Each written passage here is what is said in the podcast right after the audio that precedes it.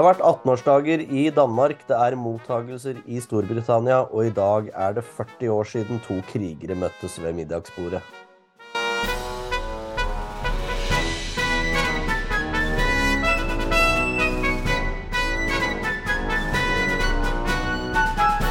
Jeg heter Ole Jørgen Skjulsrud Hansen, og med meg har jeg Se og Hørs kongehusekspert Karoline Vagle. Velkommen. Hei. Du går liksom fortsatt under tittelen gjest, men det, det, jeg føler ikke at det, det, er riktig lenger, for nå er, har du vært gjest hele tiden. Veldig ønska gjest. Nei da. Ja, nei, kall meg hva du vil, holdt på å si. Ja, du, eh, vi skal, vi skal, jo ikke begynne helt der, eh, egentlig. Så vi, jeg tror jeg venter med spørsmål, spørsmålene om hvordan du hadde det i København, til vi skal prate om eh, 18-årsdagen til prins Christian. Men vi, ja. vi, vi, skal begynne så vidt å prate om, eh, om noen mottagelser som har vært i Storbritannia. For nå er det jo Ja, det er litt sånn etterdønninger av kroningen. Så mm. i går så var Mange som skal takkes? En hel haug, rett og slett. Eh, så i går så var kong Charles og dronning Camilla på, på en mottagelse i Mason House, hvis jeg uttaler det riktig, eh, hvor det da var gjester fra gjester fra de forskjellige organisasjonene, eller ikke organisasjonene, de forskjellige delene av Storbritannia som hadde hjulpet til å få kroningen gjennomført. Hvor da Så antall, det må jo ha vært helt sinnssykt mange. Kan du tenke deg hvor mange som må være involvert i noe så stort? Jeg vil jo anta at for det meste var liksom toppledelsen som var ja, invitert. Ja da, det er neppe de som egentlig gjør noe. det er nettopp det. Så uh, kong Charles beskrev vel Storbritannia som et community within communities, eller et eller annet sånt. Ja. Uh, og han så han hadde, han hadde fått seg en ny uh, Hva er det det heter for noe? Dette ikke kjede, men uh, dette ordensmerket som de henger rundt halsen. Han er jo uh, ridder av Bath-ordenen. Og nå hadde han fått en uh, ordens, ordenstegn i rene diamanter som, rundt, som, hang rundt halsen. Så det er, det er no, noen endringer i hva, hva, slags type ordenstegn han bruker nå når han er konge, sammenlignet med da han var fyrste av Wales. Det er litt mer bling. Jålbukk. Ja, og det samme med Samme med Samme med Hosebåndsordensteinene, så er jo akkurat det samme. Det er sånn at det kjempesvære elefantorden-brosjen eh, til Ikke brosjen, men krasjanen til dronning Margrethe og er bare fullspekka med diamanter. Mm. Fint skal det være. Absolutt, absolutt. Og i dag så er det en mottagelse til. Eh, det er på Buckingham Palace for eh, de som eh, bidro rundt begravelsen til dronning Elisabeth. Så det er sikkert masse militære og disse som bar kista og ja, den type. Så de, ja, det er de stor stas for eh, folk å bli invitert på selveste Buckingham Palace. Ja, for mange, det, da. Eh, takker fint for seg, i alle fall. Det er jo, det er jo bra. Mm. I dag så er det 40 år siden kong Olav dro på statsbesøk til Japan. Ja. Eh, det er jo interessant i seg selv. Og det, liksom, det, er ikke så veldig mange som tenker over at Japan har et monarki, men de har jo det. De har en keiser. Mm. Og i 1983 så var det fortsatt keiseren fra annen verdenskrig som regjerte, keiser Hirohito. Eller det han egentlig skal kalles nå, keiser Showa. For alle japanske keisere har ett navn mens de øh, lever. Og så får de et mm. annet navn når de er døde. Da skal du tiltale dem ved den perioden de regjerte ble kalt. Så det er, det er innfløkt. Det vil jeg si. Må de gjøre det så vanskelig? ja, det, var, det monarkiske seremonielle er vanskelig nettopp fordi at det skal være interessant. Eh, ja. Ingen ikke bare Nei, det er akkurat det. Jeg hører hva du sier, er det ikke det du pleier å si, Karoline? Men ja. eh, det, det, som var spesielt der, var at dette var eh, da kong Olav, som hadde vært forsvarssjef under annen verdenskrig, som møtte Hirohito, som hadde vært en del av aksemaktene, altså en av Hitlers allierte under annen verdenskrig. Så det var jo teknisk sett to tidligere fiender da, som ish begravde stridsøksa. Så Det, er, det, det, var noe Jeg så på noen bilder fra det i stad, at det var litt interessant å se Hirohito med uh, kjede til St. Olavsorden. Uh, og også litt interessant å se at i, i, Japan så var kong Olav en høy mann ved siden av, ved siden av keiser, keiseren av Japan. Ja, så Sånne statsbesøk skal jo være for å styrke båndene mellom land, og noen ganger så er de altså noen ganger er det i land hvor båndene allerede er sterke, og man skal på en måte bare play forholdet, mens eh, andre steder så er kanskje poenget å prøve å, å eh, altså starten på noen sånne bånd. Så eh, det har noe for seg, de her utenlandsturene de kongelige er på. Det er ikke bare for, bare for eh, stas, eller hva jeg skal si. Absolutt ikke, og det var vel et statsbesøk til til Japan i 2001. Og så var eh, Japan på statsbesøk her igjen i 2005. Så det, jo, det var innenfor måte de 20 årene, da, så var det jo tre besøk. Og det er mm. ganske, mm. ganske mye sånn sett. Men ja, ja. Eh, når en ser på sånn, den teknologiske utviklingen og hvor viktig teknologi har vært, eller hvor viktig teknologisk produksjon har vært i Japan, og for verden da i tillegg, så var det jo passende at man uh, stakk en tur dit. Ja, absolutt. Um, Men nå eh, bør vi Det er kanskje... rart det der med uh, de Nå skjedde et eller annet rart. Hva da? kom en sånn rar lyd. Hørte ikke du det? Nei, det hørte jeg ikke. Nei. Nei. Det var hørtes ut som du falt bort og bare fikk sånn robotstemme. Men hva var det du skulle si? Jeg skulle si at uh, det rarte der med Japan og monarki, det du sa om at det ikke er så mange som tenker over det. For det er liksom noen av de monarkiene vi er så veldig opptatt av, og alle vet om, og, og, mens andre er liksom uh, altså Bare se på hva vi skriver om, f.eks., eller hva presten er opptatt av. Eller det er knapt noen gang at, uh, at det i Japan blir nevnt. Ja, og det, det har nok litt med at Japan er eh, som på en måte Vi ser jo på monarkiet som et symbol i Norge, eh, men på en måte med en sym symbolsk makt. Men i Japan så har de jo nesten ikke det heller. Eh, for etter et annet Altså før annen verdenskrig så var Japan et eneveldig keiserdømme, så å si. Altså at mm. keiseren satt med all makt, og keiseren var en gud som sto over alle. Det var, det var, det var ikke lov til å trå i skyggen til keiseren engang. For at det ble sett på som respektløst. Og så, fra liksom en dag til en annen etter den amerikanske okkupasjonen av Japan, så skulle keiseren kle seg i uh, vanlig dress og gå ut og hilse på mennesker og håndhilse på dem.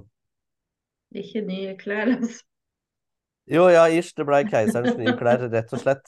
Uh, og på en måte alle disse uh, sånn kvasifascistiske eh, tradisjonene og seremoniene som Japan hadde hatt, ble bare fjerna. Eh, nettopp fordi at det skulle passe mer overens i et nytt Japan. For ja. amerikanerne mente det at for å samle Japan mest mulig etter krigen, så var det lurt å beholde, eh, beholde keiseren. Så den grunnloven som Japan styrer etter, er jo diktert av USA. Ja. Det, I 2019 var det tronskifte. Da husker jeg at uh, de kongelige vi bruker å skrive om, var, var til stede. Så da husker jeg vi laga mye på det. Ja, da var det jo Hadde, hadde keiser ah, Nå står det helt stille på hva han uh, het. Akihito. Ja, Akihito. Og nå mm. er det Naruhito. Ja. Så var, det var keiser Akihito som hadde, hadde abdisert tronen. Og så var det da mm. denne Kall det den japanske versjonen av en kroning, da. Ja. Som ble gjennomført på denne krysantemum-tronen, som de mm. kaller den japanske tronen. Så det er, et, det, er, det er i hvert fall et innfløkt seremoniell, for å si det sånn, det japanske. Der er det, der er det mange gamle tradisjoner. De anser vel seg selv for å være det lengst lengstsittende dynastiet i verdenshistorien, med en historie 2500 år tilbake. Men uh, hvor riktig det er, og hvor sannsynlig det er, er jo en annen sak. Ja. Men vi kan jo bevege oss heller til juvelen i krona, eller jordbær i berlinerbolla. Jeg veit ikke, vi skal Skal du få på engasjementet mitt? ja, nettopp. Det Ikke bare jeg skal sitte her og forelese om uh, det seremonielle i det japanske kongehuset. Vi skal jo til denne, denne 18-årsdagen i, i, Danmark, og du var jo der, faktisk. Ja, Bare et par meter eh, unna de, unna de vakre kongelige. Hvordan var det? Det var eh, veldig, veldig gøy. Først så var jeg på Slottsplassen på Amalienborg og så på når han kom ut og ble hylla på, på balkongen. Veldig god stemning. Utrolig mye folk som hadde møtt opp på hurrarop og bursdagssang og i det hele tatt. Det er sånn rar bursdagssang på dansk, et eller annet med sjokolade. og Jeg vet ikke, jeg kan ikke den. ja, jeg kan ikke den heller. eh, og han kom ut igjen og igjen, og jeg tror det var Det er tradisjon for at, uh, at uh, disse arvingene kommer ut når, uh, når, de blir 18 år. Så faren gjorde det, og bestemora i sin tid. Og når han blir monark, så blir det en årlig begivenhet. For da i Danmark så kommer jo rett og slett dronning Margrethe, som nå er monarken, ut hver, hver eneste bursdag. Eh, så det var en prøvesmak på det. det så ut som han eh, kosa seg med. Og rett før eller rett etter så fikk han jo eh, tildelt eh, elefantorden fra bestemora si. Jeg tror det var rett før. Og så på kvelden, da, eller på ettermiddagen vil jeg egentlig si, klokka fem så var det gallataffel på Christian Borg. Eh, og der fikk rett og slett presten komme inn og, og, se når de kongelige kom gående inn i, i prosesjon, eller hva jeg skal kalle det for. Og da står man jo så tett som det overhodet går an å gjøre. Eh, det er gøy, men samtidig så er jeg jo så opptatt av å gjøre jobben min og filme og styre at det eh, Ja, har det ikke helt inn Jeg vet ikke helt om jeg fikk det med meg. Men veldig gøy. Og så etter det så, så, fikk vi komme inn på en sånn stor balkong over liksom eh, matsalen der de satt. Eh, og så fikk jeg stå og følge med når de kom inn.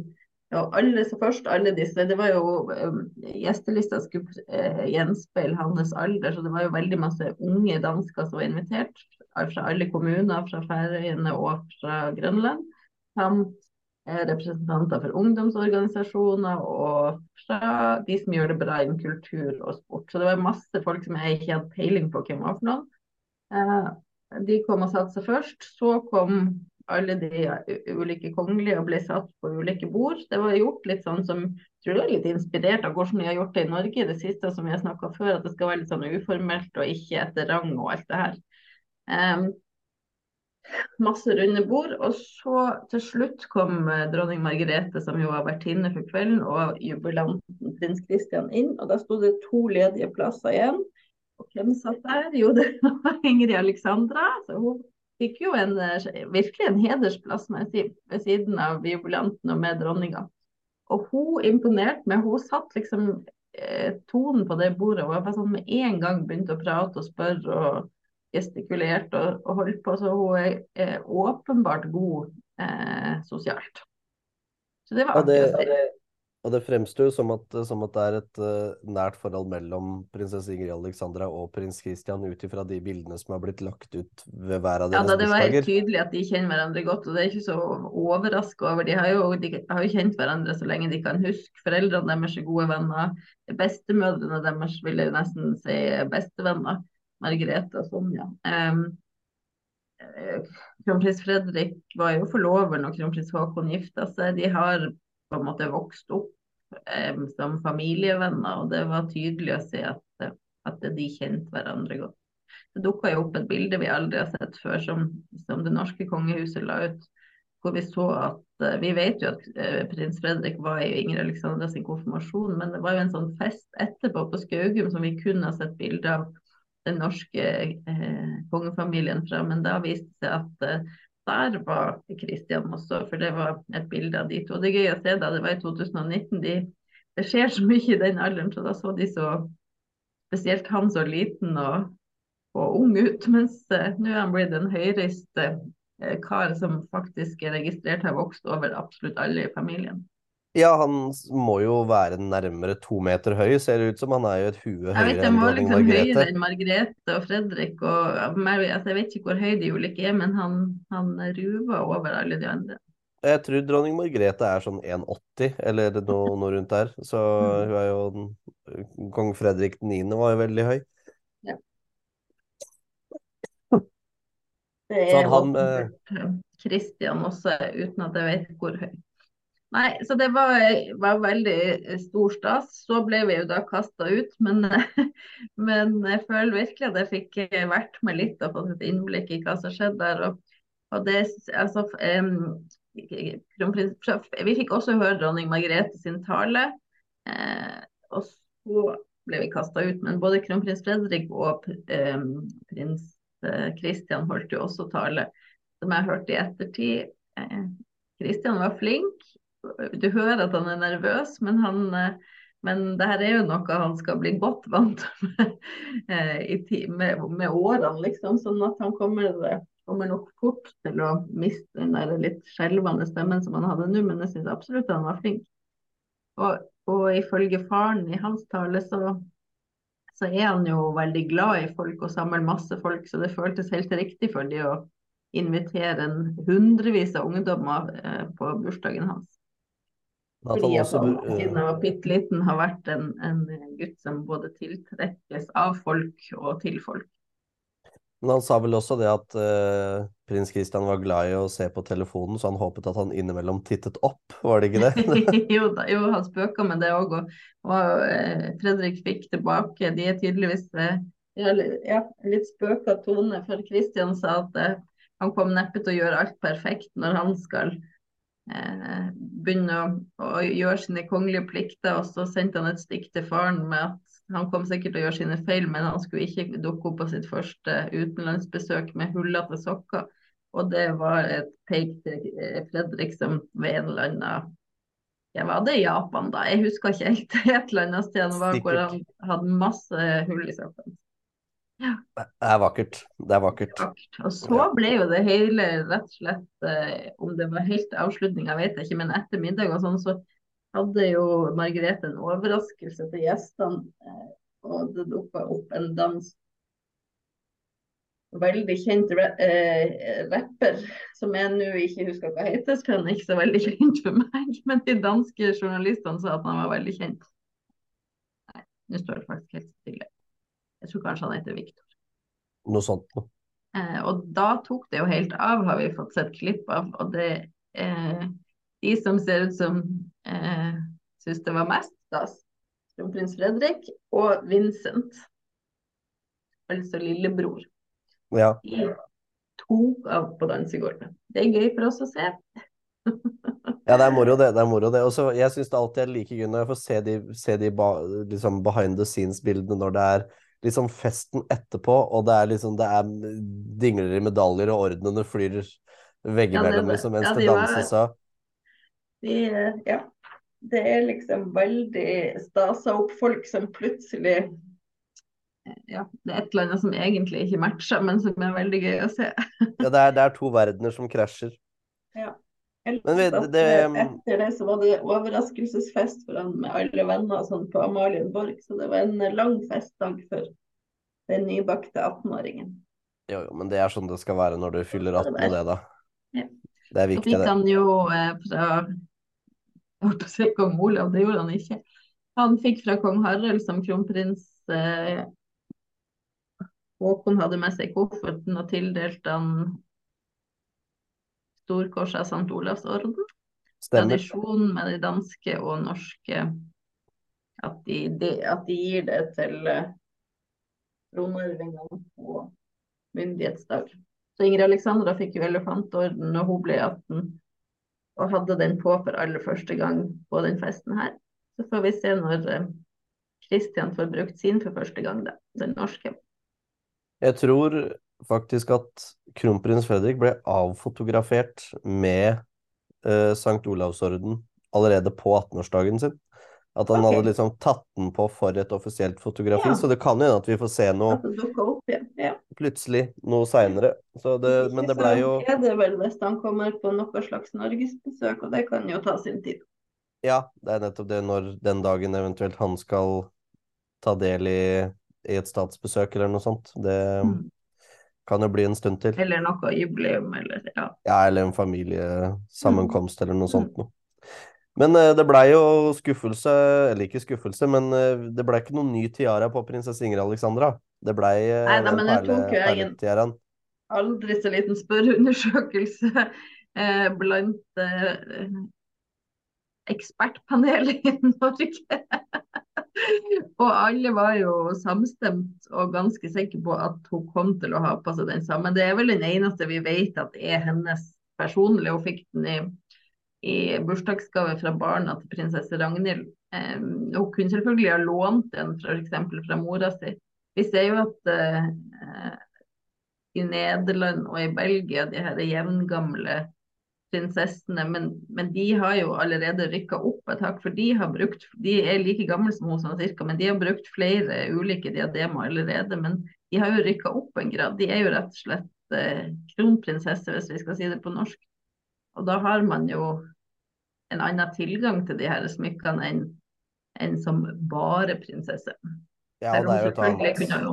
Og for alt vi vet, så kan det hende at hun fikk flere til bursdagen sin som er en hemmelighet. Ja, det kan jo, kan jo rett hende. Og så var det litt gøy at, at uh, kronprinsesse Mette-Marit hadde lånt et av disse armbåndene til prinsesse Ingrid Alexandra. Dette ja. Victoria og Albert-armbåndet som egentlig tilhørte ja, konfirmasjonsgave av prinsesse Astrid. Mm. Som, uh, Mette-Marit har bruker å låne Ingrid Alexandra sine arvesmykker. På, på, stortingsmiddagen i fjor høst hadde hun på noen øredobber som tror ikke det var de samme som Ingrid hadde på nå. Ja, i hvert fall. Hun bruker lån. Så snart Ingrid får noen eh, arvesmykker i smykkeskrinet sitt i gave, så, så har mor lånt de. Eh, så de byttelåna mye der. Og apropos byttelån, så var jo Ingrid Alexandra eh, ikledd en nydelig kjole som hun lånt av mora si. Mette-Marit hadde den på i fyrstebryllupet i Monaco i 2011. 11. Eh, og så hadde Ingrid Alexandra den nå. Og det her er jo rett og slett blitt en trend. Hun bruker mora sine klær og er blitt et sånn veldig tydelig forbilde på, på eh, grønn eller bærekraftig mote. Eh, og det er bra. Absolutt. Og det var eh, Mette-Marit har jo en rikholdig garderobe. Eh, så det er jo helt supert at det er flere som kan eh, ta del og bruke den. Det er jo, sånne kjoler blir jo ikke brukt så ofte, så ingenting er bedre enn at at Ingrid tar det i bruk. Ja, så er det kjempefint for sånne som oss, som da kan trekke linjer både hit og dit om når den sist ble brukt, og masse forskjellig. Nydelig er det. ja, det er en ekstra, ekstra, mye jobb, og det liker vi. Det var gøy. Du skal tro jeg googler men Den har jeg sett før. Hvor, hvor husk? Kom på det ganske fort. Mens Mette Marit hadde det... en helt ny kjole fra Peter Lunda, som jo må se å være hennes foretrukne designer over mange år, egentlig. Ja, det må du jo det må du absolutt kunne si å være. Og så Det var jo en del andre kongelige der òg, da. For øvrig liksom uten Ja, det var den danske kongefamilien, selvfølgelig. Med da søstrene til dronning Margrethe, altså da dronning Anne Maria Hellas og prinsesse Benedicte av Sein-Wittgenstein-Berleburg, som brukte en sånn svær kokorsnik-tiara som heter Berleburg-tiaraen, vel. Mm, og så var Anne Marie hadde på den som eh, både hun og søstrene hadde når de gifta seg. Ja, Kediven av Egypt-tiaraen er vel det som blir gitt til Margareta av uh, Sverige og Norge, egentlig, da hun gifta seg, vel? Nei, kanskje hun ikke rakk å bli av Norge. Men i hvert fall den første kona til uh, Gustav Adolf. Gustav 6., hun var jo en britisk prinsesse, og fikk uh, Eller prinsesse av Connaught, og fikk fikk Diven Egyptiara i bryllupsgave da de gifta seg i 1905. Ja, 1905. Så det er jo, det er jo arvesmykker som, eh, som, ble brukt, da. Eh, mm. Og så hadde du også kronprins Pavlos og kronprinsesse Marie Chantal. Og Marie Chantal hadde en gedigen tiara på seg. Hun, hun hadde den aller største, Mette-Marit hadde den aller minste. Mette-Marit hadde jo sin foretrukne, som er den hun fikk i bryllupsgave fra fra sine svigerforeldre, og som faktisk har vært brukt i en eller annen Hollywood-film før. Eh, hun, jeg, tror ikke, jeg, tror ikke, hun rett og slett hun er så glad i den type Hun har sagt at hun ikke er så glad i hatt. og jeg, Uten at hun har sagt det, så tipper jeg at hun ikke er så veldig glad i store diademer av samme årsak. sånn at de, hun har som regel bare det der veldig, veldig lille. Et sånt bandeau, er ikke det det heter? Ja. ja. Men det, er, det, det jeg har sett det har vært litt sånn diskusjoner rundt om på disse Instagram-sidene sånn som flotter seg med å bare mm. dele bilder av tiarer og sånn, om at den eneste av kronprinsessene som egentlig ikke har noe land å regjere i, brukte Hadde den, den største? Ja, største tiaraen. ja, Marie Chantal. Ja. Jeg syns, jeg syns, jo det bare er fint at du fortsatt kan bruke det. Eh, og dette var vel en tiara som tilhørte uh, det er jo ikke sånn at det er bare kongelige som har lov å bruke tiara. Vi har da norske eh, familier som har brukt tiara når de har gifta seg uten å være noe som helst kongelig. Absolutt, eh, og det var vel egentlig en tiara som tilhørte Fredrikka av Hanover, eh, altså dronningen av Hellas, eh, kona til Paul, den første, eller annen, om jeg tenker meg om, den første. Um, som ble gitt tilbake til den greske kongefamilien for ikke så mange år siden. Uh, så ja. det var jo Syns jo det bare er fint at grekerne fortsatt kan bruke den type hodepryd, selv om det ikke er en del av, eh, av um, på en måte et regjerende monarki lenger. Da. Litt, da kan du like gjerne kritisere uh, kronprins Pavlos for å bruke, uh, bruke ordener, da, når han ikke ja. egentlig er en kongelig stormester, men bare stormester for disse ordenene. Ja. Nei, altså de i, Ja. Det er litt sånn ulike meninger. Nå, jeg, jeg vet I noen konger så står de med, med kongelige titler, og andre ikke når de står på gjestelisten. Og sånn, eller det er litt ulike måter å håndtere akkurat det der. Ja, og så er det vel Jeg mener noen ganger så sto det f.eks. eks-kong Konstantin ja. av Hellas, og andre ganger så har det stått Hans Majestet kong Konstantin av Hellas. Men jeg, mener på den offisielle ja, men på denne gjestelista til denne her så sto det ved Hennes Majestet Anne Marie eksempel, og ja, eh, kronprins og kronprinsesse av Hellas. Mm. Mm. Så det er jo det de er. Vi fikk ikke se noe prinsessa Bourbon de to Cecilier. Uh, hun satt ikke til eh, prinsens verken høyre eller venstre hånd. Nei. Uh, tror nok at det var uh, det, det, er jo litt fordi at dette er private venner, da. Så at de skulle vært invitert, hadde også vært litt rart, kanskje, til en så veldig offisiell bursdag. Ja, de kunne jo for så vidt ha vært det, men det, var, det, var, andre private venner der, så Men de er kanskje ikke så tett, liksom. Jeg vet. Det er jo, man kan, ja. De kjenner jo mange, de her folkene. Jeg vet ikke. Og så kan det jo hende at det ikke passer, eller kanskje de ikke har lyst til å stjele oppmerksomheten, eller gudene vet. Ja, det kan være veldig mye rart, men nå er vel Nå husker jeg ikke hvilken vei dette går. Er det faren til Huar Borbondi to Cecilier som er gudfaren til prins Christian? Uh, mm. Så det hadde jo vært veldig naturlig at de var der. Men det kan hende mm. at det ble tatt en beslutning om at dette kan stjele litt oppmerksomhet. Ja, altså Det vil det jo garantert ha gjort. Ja. Det har jo vært veldig mye snakk om akkurat det her. Men nå er vel egentlig kobla til ei anna danske. Jeg synes det er Ja, det er uh, Blir kobla til folk i hytt, hytt og pine, tenker jeg. Ja, det er litt sånn akkurat nå.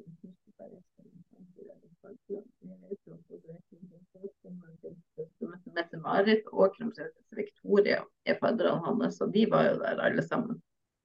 Ja, nå tror jeg du, Vi hørte nesten ikke hva du sa, fordi du vendte hodet vekk fra mikrofonen. Unnskyld, jeg skal bare prøve å finne ut hvem som var fadder på hvem. Vi vet jo at både eh, det norske kronprinsparet og den svenske kronprinsessa er, er fadder på Christian. Og så skal jeg bare prøve å se om det var som du sa, med han faren. Ja. Men jeg Jeg mener du har lest at, eller om det er at kronprins Fredrik er for Eh, en av ungene til Bourbon de to Cecilier. Så der, Jeg husker ikke akkurat i hvilken, hvilken, vei det går, men det er i en av de retningene der. Ja.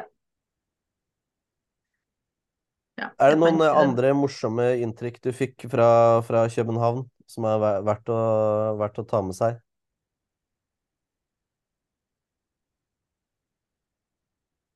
Nei, men jeg ser, jeg må jo si at eh, de her norske de får alltid utrolig mye oppmerksomhet. Ser jeg når de, eh, Mor og datter var jo veldig flotte. De så ut som sånne Elsa-prinsesser fra Frost, begge to. Jeg ser i utenlandske medier de, de blir alltid veldig mye blest om akkurat uh, de norske. Jeg tror folk liker de godt. Det er gøy. Um, så må jeg si at jeg syns det var rørende å se hvor stolt både dronninga og kronprinsparet var av Kristian. Det var en stor dag for de også, og sikkert vemodig òg, når de små vokste til.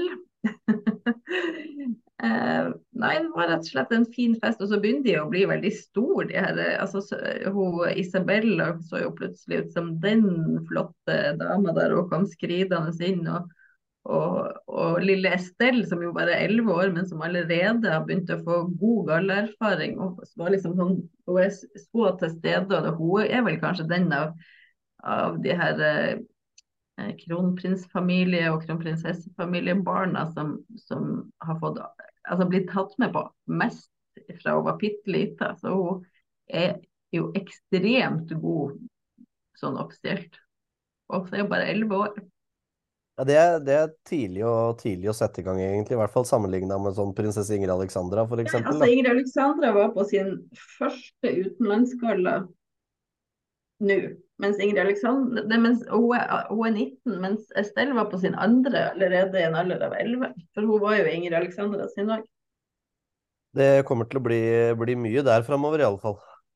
For mye å gjøre. Er neste ut. Nå er det lenge til vi får sånn myndighetsdag på de som faktisk skal ta over. Da er, er Estelle neste kvinne ut om seks og et halvt år eller noe sånt.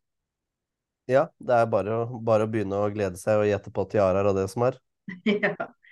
Men vi har jo en 18-åring til her til lands som, som, skal feires i desember. Nå vet vi ikke hvor mye offisielt det blir og hva det blir, men men prins Sverre Magnus blir myndig 3.12. Hvis de følger malen som ble satt av uh, kong Olav, så blir det jo en feiring, da, sånn som det ble for prinsesse Märtha Louise. Da hun ble 18, så var det jo også en gallamiddag på Slottet. Ja, men jeg tenker på når uh, sånn konfirmasjon Men det, korona gjør at det er vanskelig å sammenligne. Men, men konfirmasjonen til Sverre Magnus var jo mindre offisiell enn Ingrid Alexandra sin. Uh, mens Märtha sin var jo mer offisiell igjen, var den ikke det? Jo da, så det er, det er på en måte litt Det kan være korona, koronaproblematikk i, i, det hele, for det var jo under den nedstengte tid. Så vi får se. Men det er klart at vi ønsker oss jo eh, litt offisiell fest og moro. Litt glitter og stas og litt mer jobb. ja, men det er jo da det aller gøyeste jobb. Det er nettopp det. det, er nettopp det. Og med det lille ønsket om uh, litt mer offisielt og litt mer å gjøre, så kan vi vel uh, takke lytterne våre for følget. Ha det bra. Vi lyttes.